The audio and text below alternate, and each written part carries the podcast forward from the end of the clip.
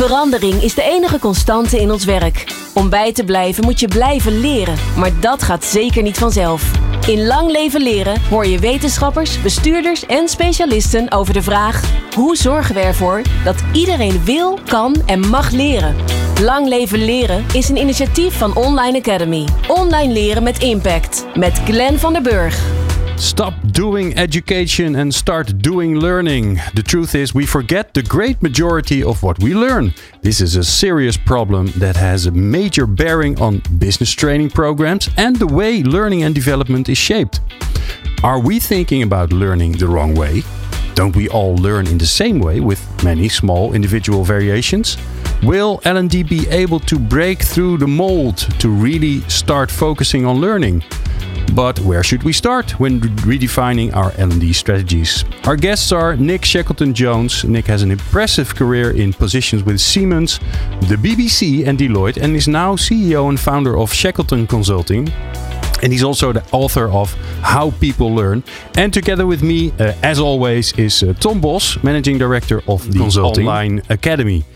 First, I'll ask Tom, why did you invite uh, Nick yeah, well, uh, um, Glenn, the show is usually about lifelong learning. Well, this it's actually kind of the name of our podcast. Yeah. Um, and the thing is, I uh, I read some uh, some things about Nick, and I um, I got intrigued because his statement was. Uh, I'm not sure. I think I read it in a blog or so. Uh, successful organizations eliminate the need for learning which is kind of uh, contrary to okay. lifelong learning as we propose. So um, yeah, I thought that's a that'd be a great conversation to have with, uh, wow. with Nick today. Nick, great to have you in the studio. Hey, great to be here. Nick, you have a, a, a very uh, impressive career already um, uh, for, for a big part also within learning and development.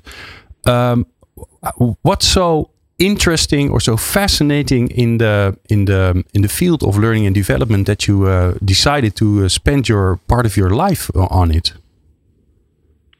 Wow. Well, I guess I think the opportunity to begin doing learning. I think the reality is that organizations have yet to begin thinking about learning in their organizations. And, and they might object and say, well, you know, we've been doing it for a long time. But what they've actually been doing is, is education. And that's something almost completely different. And to sort of illustrate that point, because I appreciate it sounds a bit abstract, um, I spent a lot of time kind of talking and building different programs. Uh, and way back when I was at BP, I ended up talking to lots of leaders about their transition into leadership. And one thing that I heard quite a few of them say is, I think I could do the job if it wasn't for all the people stuff. And I remember thinking, well, what do you what do you mean the people stuff? And these leaders would say things like, oh, you know, all that HR nonsense, you know, performance reviews, succession planning, development planning, right. and you know, I, I got the the insight from that was that they think of learning as education, not as something that they can do, not as something that's happening every day through the work that people in their teams are doing or the challenges that they set people, but they think of it as, you know, standing in front of a group of people with a flip chart or building an e-learning module, something which definitely isn't their responsibility. And that's because they're thinking of it as education. I think, well, I'm a leader. I don't know education. That's the HR team, the training team that do that. And so, um, this idea that learning is education is putting some stuff up on a screen has almost destroyed the opportunity for us to begin to do real learning within organizations. And it's why so many organizations are struggling with learning culture is because we're still tending to see it through this educational frame. So yeah, I mean, I can I can talk about that more if it's interesting, but okay, so, such so an opportunity. You know? what, what, what, what, what you say is, Nick, that the way that we have been taught about what learning is, probably from early childhood uh, onwards to uh, university or uh, all the schools that we've been to, it has destroyed our way of, of looking at it. That's that's kind of firm. Yeah, yeah, and it's it's not it's not a hunch. You know, this is what 70 20 10 was reflecting, and, and many of the research studies that came after, which is that formal education, you know, the sitting in a classroom, the redoing an e-learning module is a tiny fraction of the learning that people actually do at work. The vast majority of it, 90% upwards, is through all the challenges that we are setting people and the support that we're giving them. Um, but it's all informal. It's all below the waterline, and we haven't really thought about it in a systematic way in most cases. And that's tremendously damaging, but it also means there's a tremendous kind of opportunity. But look, it's damaging. I've spent a lot of my life running learning teams, and the, and the problem is that people come to them in the expectation that they will just do education and they will start to complain that they feel like order takers because what they're being asked to do is content dumping. Somebody will come and say, look, put this new policy in a course. We need this stuff in a module. Get it out to people. And there's this sort of tacit recognition that we know this isn't going to make any impact, just as it made very little impact when we went through school. And we, we forget the vast majority mm. of it. But, you know, um, we're going to do it anyway. Yeah, but the interesting so, part, Nick, is yeah. that uh, in the beginning of your career, you were also a teacher. Yeah, I was. And how and, and, how and, did you do it then? Because you yeah, were part of the I, system that is destroying our way of looking and learning. Yeah, yeah, yes, I was. I was complicit in this, and and and that it irked me even then that um, there was something deeply wrong with it. So let me give you an example. I used to teach psychology, and as part of that, I would teach learning theory. And so picture this, right? I would be standing up in front of a group of kids, writing on a board, Piaget says that all learning should be exploratory and they would obediently copy this down, you know, into their books, so they could regurgitate it for an exam and forget it immediately thereafter. I mean, what's more ridiculous than that? yeah. But, but yeah, yeah, it's telling people also, not to I smoke mean, while smoking. yeah, yeah, yeah, exactly. Yeah. But uh, I could also glimpse the, the edges of something very different, which is that I began to notice that students would get engaged by things which were personally significant. So, you know, I remember one occasion I was teaching psychoactive drugs. It was kind of a hot day, you know, and all of a sudden a student who was normally very quiet perked up and started asking lots of questions around, you know, what would happen if you mixed this with that? And I would be saying, well, that'd be a very bad idea. But, but it, it occurred to me then that, that, that suddenly they had a personal interest in this topic. Mm-hmm. And that was what was driving their learning. And this became really the cornerstone of thinking about, you know, the difference between learning and education, because education is indiscriminate. It's content centric. It just takes a bunch of content, pushes it out to people, and most of it is just shared immediately. But learning is always personal. It's the things that matter to us that drive our learning. And so that became the cornerstone of rethinking, I guess, what learning is and, and how learning works. Hmm. And is that also then the basis of, of your book? Because the title "How We Learn," that's that's, I mean, that's so complex. How can you write it down in one book? How everything works around how we learn? Oh, I can, I can do that. I can do it in a couple of sentences. Oh, really? please do. Please do. yeah. So I think people assume that How People Learn is going to be one of those books which, like a, a, lot of similar sounding books, just does this quick, you know, layman's summary of, of current research. Uh, it's not that. It introduces a new way of thinking about learning and, and cognition more generally, which sounds like a big deal, and I, I think it is. And basically, in a couple of sentences, what learning uh, how people learn introduces the affective context model, which says that when we experience the world, we encode our reactions to the world, and it's those stored reactions to things that drive changes in our behavior. If you don't have a reaction to some experience, even if that experience is sitting in a classroom with just some information on a board, you won't remember it. When your parents ask you about it, you will say it was boring, which is a way of saying I didn't have a reaction to any of it. And you won't encode it and it won't change your behavior. And this is why when now we look at the application of that to corporate life, there's really only two kinds of things going on. There's stuff that we care about. Like if you join an organization, you desperately want to fit in. And so you will pull all of the content You'll observe closely what's going on around you because you care about that. But then there's the other kind of thing which is going on where people they don't care about it. They may not care about safety sufficiently or diversity and inclusion. And there, if we want people to learn, we have to create a reaction. We have to challenge people. And so this fundamental dynamic changes your perspective on, on learning and what it is. Once you understand that human beings, like all creatures, are just storing the stuff they react to. Right. Um, yeah. So that's it. Yeah. Well, very simple explanation. I I, I just read my uh, my preparation notes and I I wrote down uh, to ask Nick whether or not he's called the marshmallow guy now. Um, yeah. yeah. and that's because of a, a, great example yeah. I noticed in your, um, uh, I think it was a video on YouTube or something, uh, uh yeah. the example of how to. Um, oh well, maybe you can elaborate on it yourself. That might be much easier. It's not because Nick eats a lot of marshmallows. Maybe it is, but okay. Uh, that yeah. wasn't the reason. so, Nick, why are you called the marshmallow guy? Well, uh, I mean, it's a lovely illustration of the point I'm trying to make, which is that uh, I've done a number of talks, and one of the things I say early on at the talk is unless I do something that really gets a reaction from you, the chances are you're going to forget everything I say. And so I say, let's say I start throwing marshmallows at you, and I start throwing marshmallows at the audience. I'm, I'm prepared to bet in two years that will be what you remember. Ah, oh, the marshmallow guy. and so the point I'm making is that it is our reaction to things that we remember. And if you think back to school, it will be the things that you reacted to. You know, embarrassment is a common one. Being, you know, humiliated by a teacher is another common one, or some being awarded publicly, receiving a, a certificate or an award publicly is another one. So we, we just don't understand this. At a fundamental level, we've fallen into thinking that learning is something that happens when you just dump content on people. Uh, but people aren't computers. We don't learn that way.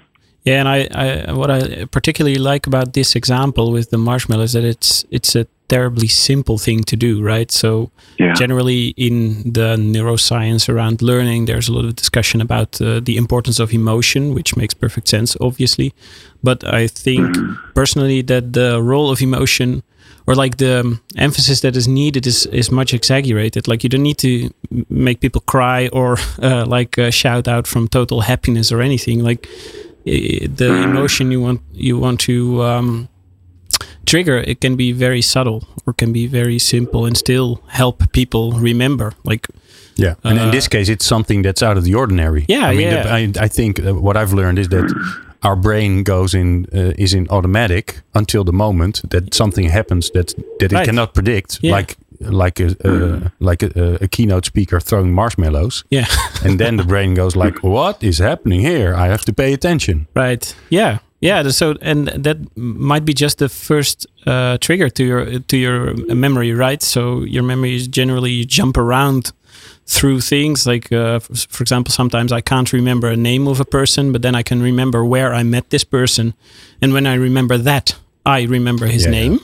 So the marshmallow guy might just be the entrance towards a, a, secondary memory, which is what Nick was actually talking about in the session. Yeah. But does it work yeah. that way then, Nick? That because because you've you've done something that's out of the ordinary, that's not something people would expect, then also the rest of the content is also better stored, better remembered.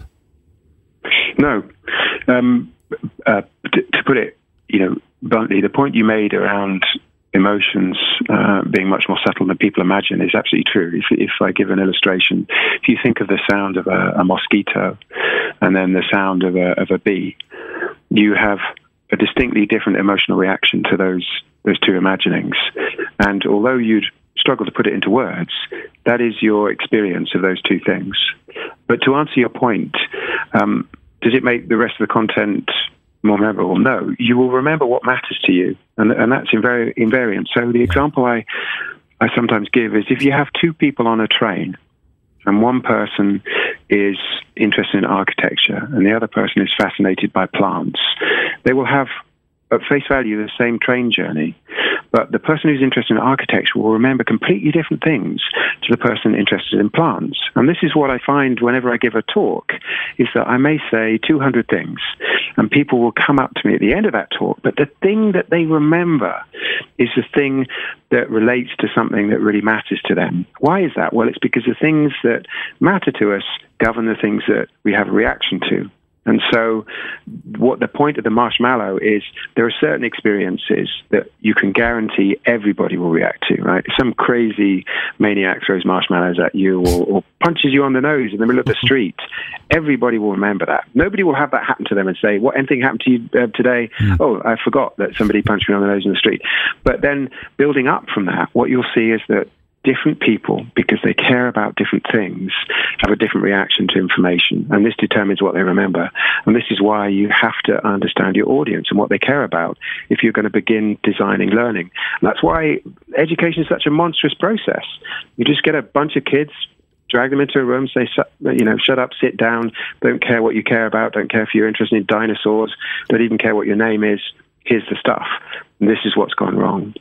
And and then if we look at uh, how uh, uh, traditional learning is within organizations, what's uh, from the from the the um, uh, the things that you just taught us, which we will never uh, forget, by the way.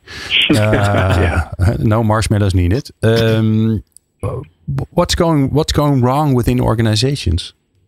Why is learning such a yeah. tough nut to crack? Yeah, it's a very simple insight, right? Like how you explain it, it's it's it, it makes perfect sense. Yeah. Sounds easy to apply, right? Yeah, it's a very short book. Yeah. yeah. Well, thank you. So I why think, isn't um, it picked up? Yeah, why isn't it picked up? Uh, I think it, it, sounds like common sense. If you were doing product development, it would be common sense. You know, people talk about it as design thinking. It's well, why wouldn't you talk to your customers and find out what matters to them as, as part of the process of designing your product? And then it seems extraordinary that we don't do that with, with learning. And instead, with learning, what happens is that some senior person comes and says, here's a bunch of content, put it in the course. And you think, well, why on earth would we do that? The answer is, as I said, education.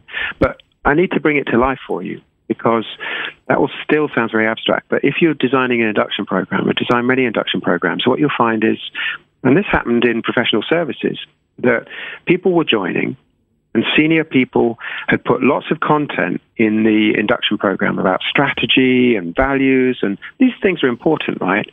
But what we discovered is that when you actually talk to new starters, what they cared about was things like fitting in. They want to know how to fit in.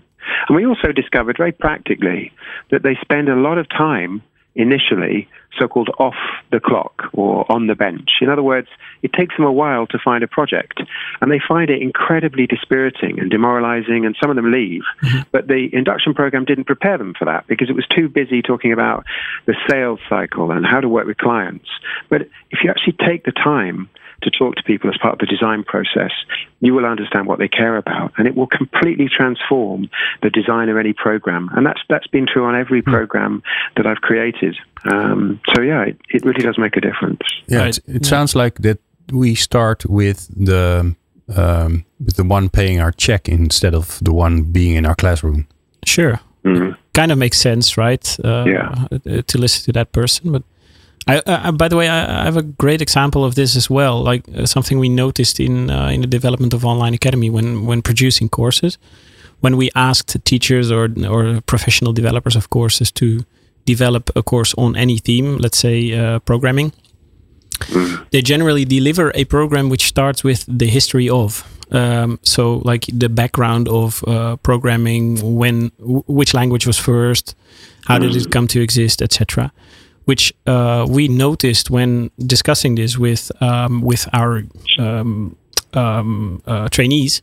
That is very much not what they were interested in. They started the course because they wanted to learn programming. So uh, what we now do is we we flipped it around. We we teach them uh, to code in the first five minutes of taking the course booking your first success and later on explaining like yeah. the history of when it makes sense to you like oh i made some progression and yeah. oh i'm curious now where did it come from and then you get into oh, history. funny yeah. funny funny yeah we, we, we have here within the studio we also uh, do uh, uh, workshops podcasting workshops. And one of the first things we do after we have given them some sandwiches for lunch, mm-hmm. so we fir- and we learned that through time. First, we go into the studio with everybody because that's where the magic ah, happens. Ah, right. Yeah. And and from that moment, everybody has, and then we tell them, in four hours, you'll be here behind the microphone doing your first podcast. And from that moment on, ah, right. everybody is interested is listening and because they're also scared as hell because they have to perform yeah. in front of the microphone. Ah, right. I love that example. I just want to re-emphasize that point you just made there because I have the opportunity to look at lots of program designs. And if I look through a program design and I cannot see a challenge, people are not being challenged to do something at any point in the program, mm-hmm. then I can guarantee no learning is going on. And so, so many of our programs are just filled, you know, hour after hour with content. No learning is happening. Um, and, until you challenge people, you can do it lots of ways. People call it flipped classroom, and we're calling it experience design. But it's those challenges that drive learning in, in every business. And there are two classes. There are the challenges that people already have in their jobs, where we could help them. We could actually say, look, you, you, in the example that you gave, you know, here are the things you're struggling to do from a programming perspective. Let us show you how to do these things. Or in the latter example you gave, you can present people with a challenge. You can say, you are going to be podcasting in, you know, four hours time, and that drives learning. Um, but it's a really vital point, and I'm glad you made it. Wow. All right. Um, so, uh, looking at individuals that, uh, because I, I, can imagine that that there's a big difference between individuals that learn effectively and that don't learn so effectively. What what's the difference you think, Nick? Well, I'm not sure that I would recognize that distinction. I guess one thing that I do see a lot, because everybody learns. You think about, can you imagine applying that same idea to pets? You know, big difference between dogs that learn effectively and, and don't. Human learning isn't fundamentally different. But what I do see is a lot of people who've been damaged by the educational process, for whom learning has become so closely linked to their self esteem yeah. that they are afraid to try things and they're afraid to experiment and they're afraid to operate outside of their comfort zone. So I think that's a very real phenomenon. People for whom learning represents a, a kind of a risk. Um, and as a consequence, they won't experiment. They they won't take on new challenges, and so I think they need more support and more encouragement. And that's why I think some of what I do is focusing on leadership and how leaders kind of coach people and support people and right. build their confidence. I think that's a very valid point to make, and and it, it came up quite often in uh, in our episodes. I think uh, before Glenn, like yeah. the the importance of um, feeling safe and having a great experience in the past with uh, education, which is not common, I guess, or not uh, not at least to be assumed that I think case. I think in almost all our shows that we that we talk about lifelong learning, we, we this this yeah. passes by like okay, this is one of the problems that we have that people associate associate learning with failure with something that's mm. not right. nice. Yeah. Uh, which is terrible. Yeah. I yeah, mean, and it, it, I think it kind of uh, proposes a secondary challenge as well because, uh, like, uh, very common uh, theory in learning is also about desirable difficulties. Um, so mm. that, like, it's it's important, as Nick mentioned, to get out of your comfort zone and not necessarily take the easy road. Um, uh, well, uh, if, if, you if you have a very bad if you had a very bad experience in the past, then you might be constantly avoiding those kind of difficulties, right? So that your your focus doesn't become like learning to play the piano or something. It it it becomes like um, satisfy the teacher or something like that will mm. be hmm. your purpose of doing exercises, which is a much different exercise than or a much different focus than actually getting better at playing yeah. piano and enjoying yeah. it. You, you mentioned neuroscience um, earlier, and if people are interested in some of the neuroscience behind this, then Damasio and Damasio's student Mary Helen Immordino Yang have both published really interesting books on the topic. But in, in relation to comfort zone and stress, um, there's a guy called Jaak Panksepp um, who's written a fantastic summary of, of, lots of the research around this. And there's one example that really stood out for me, which is that a lot of rats in their juvenile stage um, learn through play. But he discovered that if you introduce the smell of a cat into a rat cage, they immediately stop playing. They they come out of exploratory mode, as he describes it, mm. immediately, and, and the baseline rate for exploration and play just drops to zero. Mm. And and I think it's illustrative of a, a cross species phenomenon, which is stress and threats to you know to our well-being in, in a variety of ways just kill the appetite for kind of learning and, and play and experimentation which i think are very closely related I think right. it actually mentally prevents it, right? Because of the the threats, like uh, you you get to a more deeper function in your brain, um, mm. switching from cognition to emotion or uh, survival. Yeah. And, yeah. Of, and of course, when you're learning, you're doing something that you cannot do already, or you have to talk about something that you do not know already. So it's it's uncharted territory, and therefore a bit dangerous for us. Right. Right. Mm, yeah.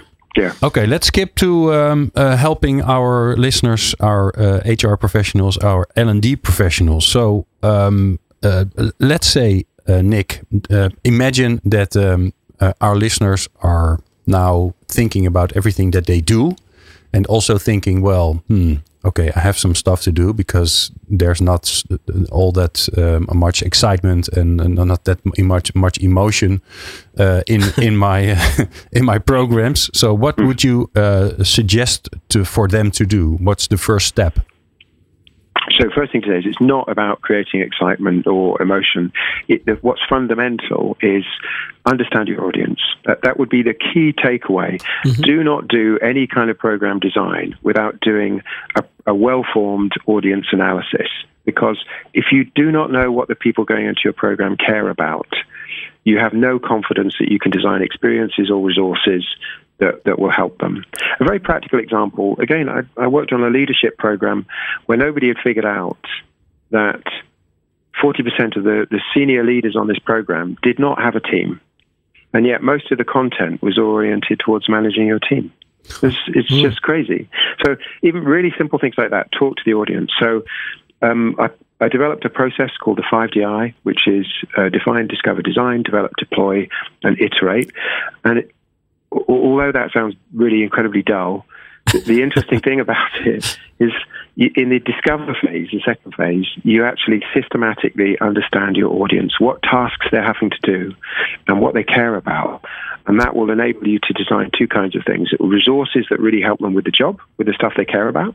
You know, so if you're a new starter, a checklist or top 10 mistakes to avoid is a really handy resource.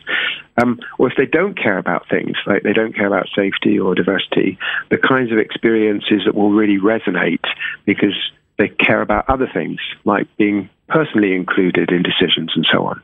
So that's the key message, which is, you know, you have to integrate um, audience analysis into your design process if you want to have any business impact, if you want to change performance and experience. Okay, so that's that's maybe the main thing that that uh, L and D professionals tend not to do to really uh, dive into who is in that classroom or who is my right. uh, my target audience mm -hmm. for uh, for learning new skills. Maybe I can simplify uh, a, a, bit to make it much easier to to do this. Um, let me tell you about the approach we take towards uh, getting connected to the audience we do make an initial analysis of uh, like who who our user is or who uh, since we're fully in e-learning let's let's say um, our learners but uh, then we just start offering a course start piloting it and mm-hmm. Uh, gather feedback and gather feedback again and again and again and again and uh, grow the well your audience grows so you get more feedback Mm-hmm. That's why man, uh, feedback is mandatory in our platform. So we, we learn much more about uh, the general approach uh, or the needs of the learners in the in the courses. We see where people uh, drop off. We see where people make mistakes. Generally, we see in the evaluations topics they are missing or they want to have emphasized. So mm-hmm. um, just uh, I'm calling it simplifying. Maybe I make it much more difficult, but like uh, you can overanalyze uh, uh, overanalyze in in the start, obviously, and sometimes it's it might be much easier to just start offering your course and evaluate it, as opposed to having uh, years of analysis before starting to offer anything. Yeah, I like that too. That's uh, an iterative approach, and it works in my experience, especially well where you don't quite know how a learning experience is going to land. Right. Um, but I, I, would just build on that and say, in designing a course, for me, a big shift for L and D teams is to be to say, well, there's no content in the course, which they find shocking. if, but if there is any content, we're going to put it outside the course. We're going to put it somewhere where people can get it. The course will be end to end experiences. I want to see what experience, what challenge will people right. have from 9 to 10? What challenge will people have from 10 to 11?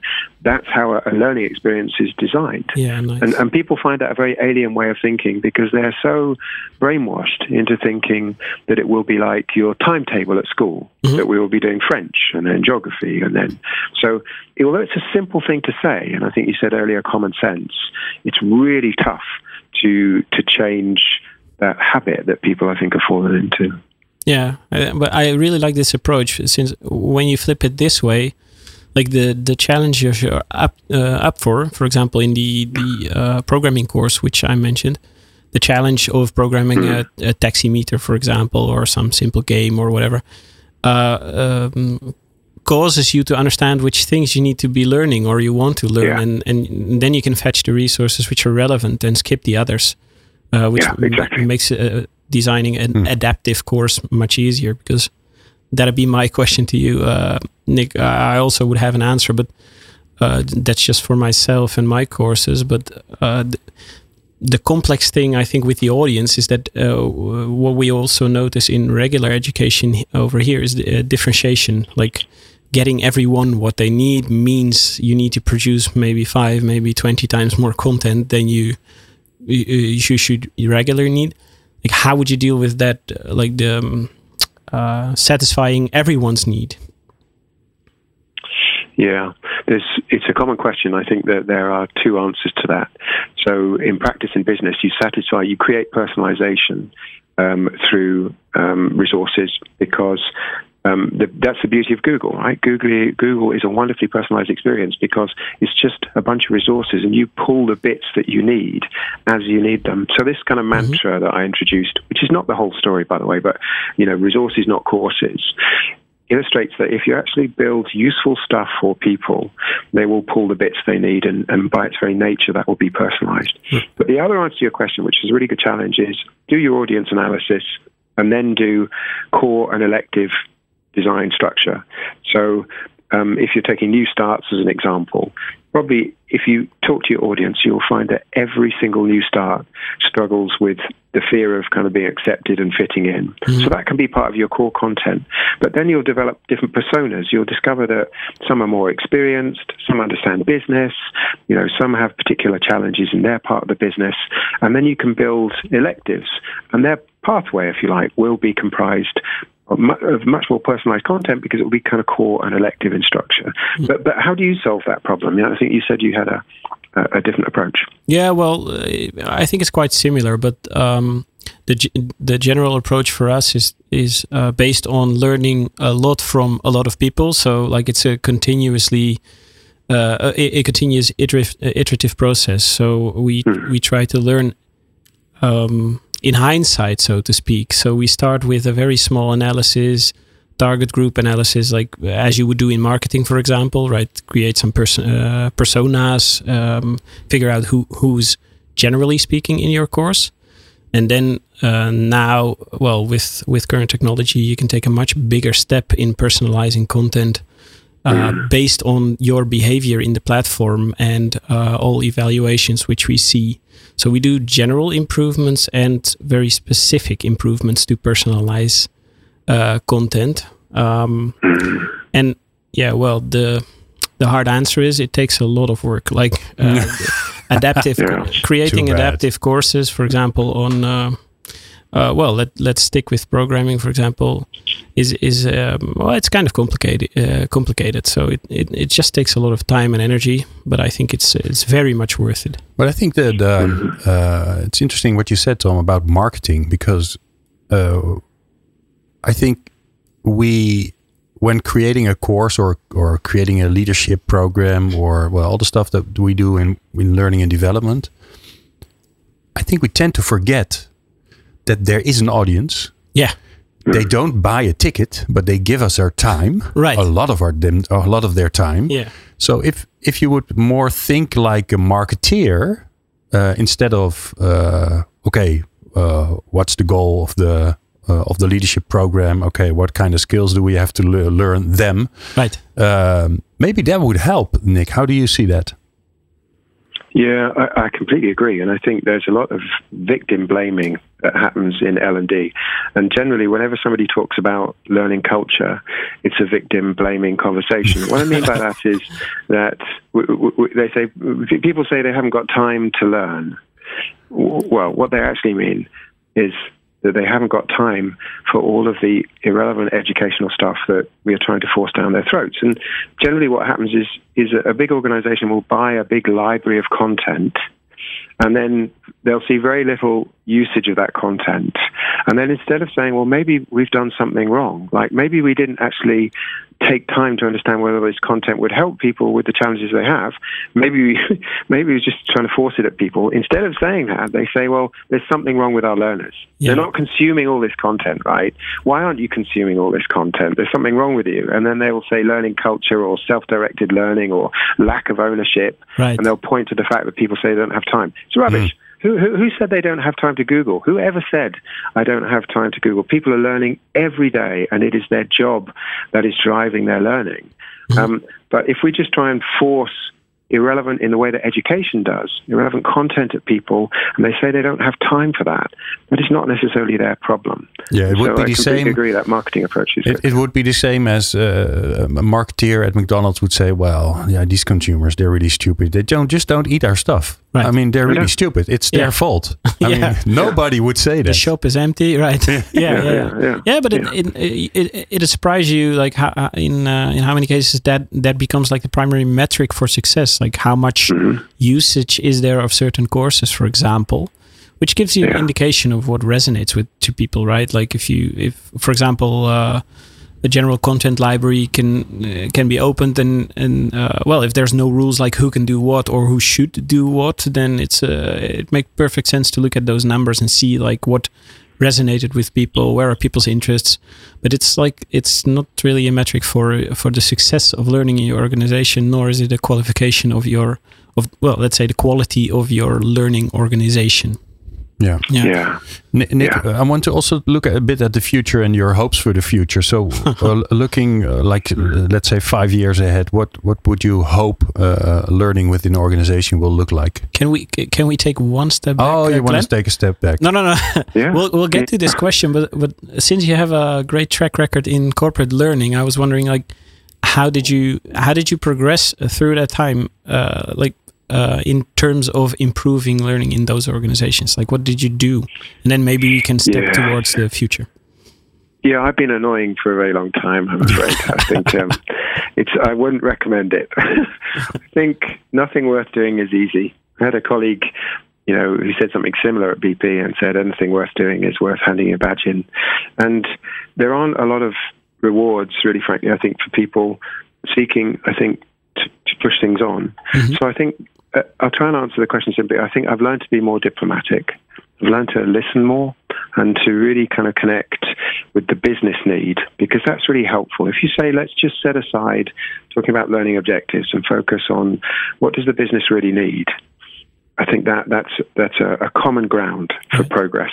But I think the other thing that we're all talking about learning on this call, right? And the people listening to this are interested in learning. So that's all, all fine because we're learning geeks, and I love that.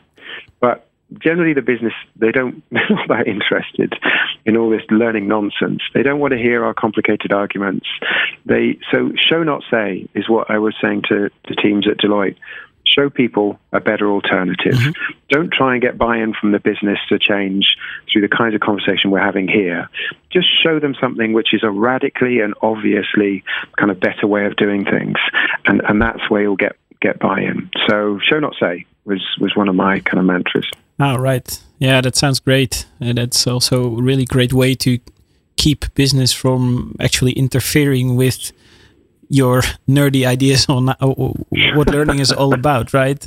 So like everyone yeah. should be doing their own uh, in job in that sense. Like if you help the business solve their problems and you show that you you have helped them, I yeah. don't think they well uh, they couldn't care less like whether or not you did that with a very fancy learning program or something very simple or um, mm-hmm. Uh, e-learning or classroom or whatever. That's that's not what interests them. But if you ask them like, "What do you think we should do?" then uh, definitely they will have some idea, and that might be a very traditional approach since they were successful in regular education, for example. Yeah, yeah. I'm, I mean, I, I always feel it's important to bring these things to life. So, simple example: when I was working at BP, we had this knowledge expert who was an expert in sand management. He was going to leave the organisation, and the organisation said, "Nick." Sand management, yes, okay. it's a real thing.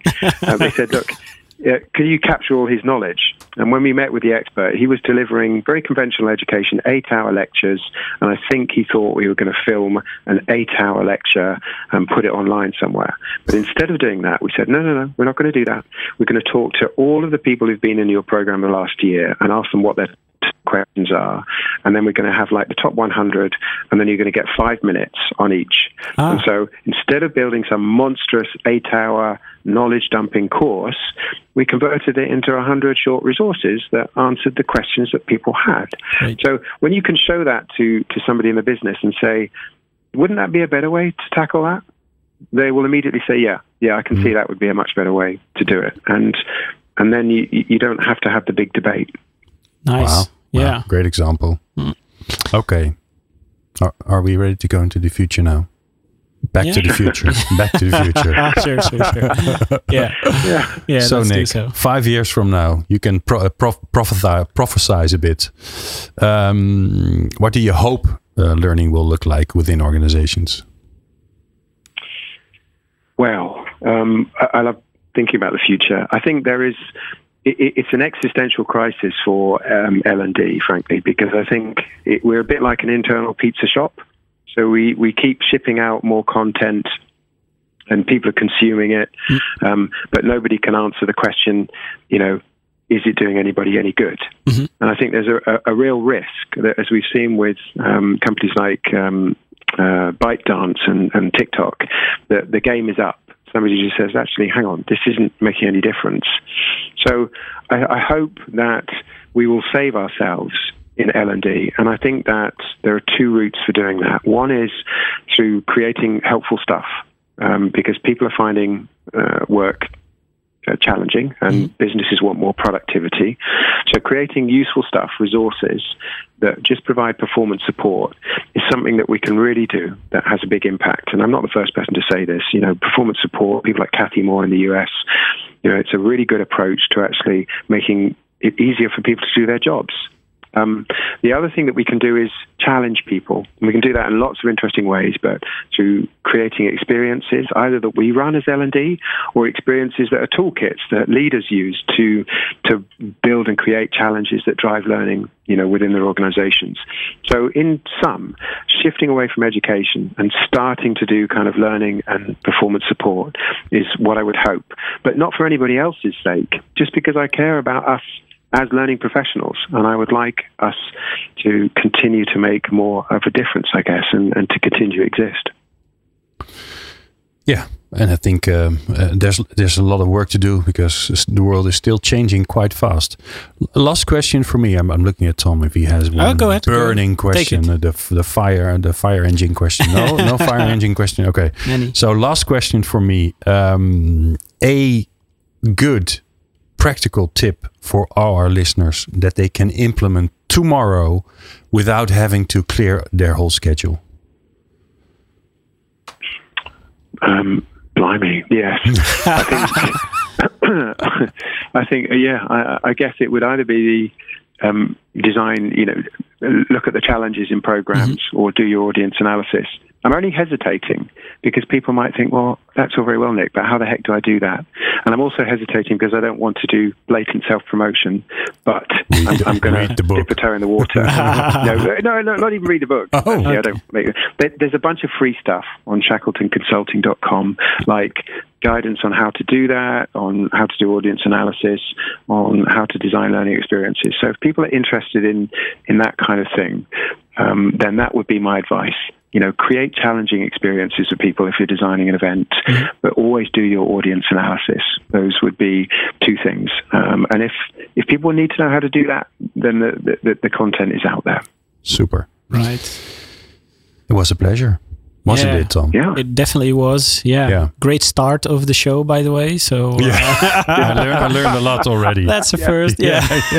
Yeah. so that was nice. But Yeah. um, yeah, Yeah. I really love the conversation. So uh, thanks a lot, uh, Nick. Thank Thanks, you both. Uh, Nick Sh- Shackleton Jones. We'll make sure that we put all the links to uh, Nick's website and also uh, to his book, of course, in the show notes. And uh, thanks to you also, uh, Tom Bos, uh, Thank you. for being Thank here eh, as always. And thanks to you, of, of course, for listening to our show. Bedankt voor het luisteren naar Lang Leven Leren, een initiatief van Online Academy. Meer afleveringen vind je in jouw favoriete podcast-app.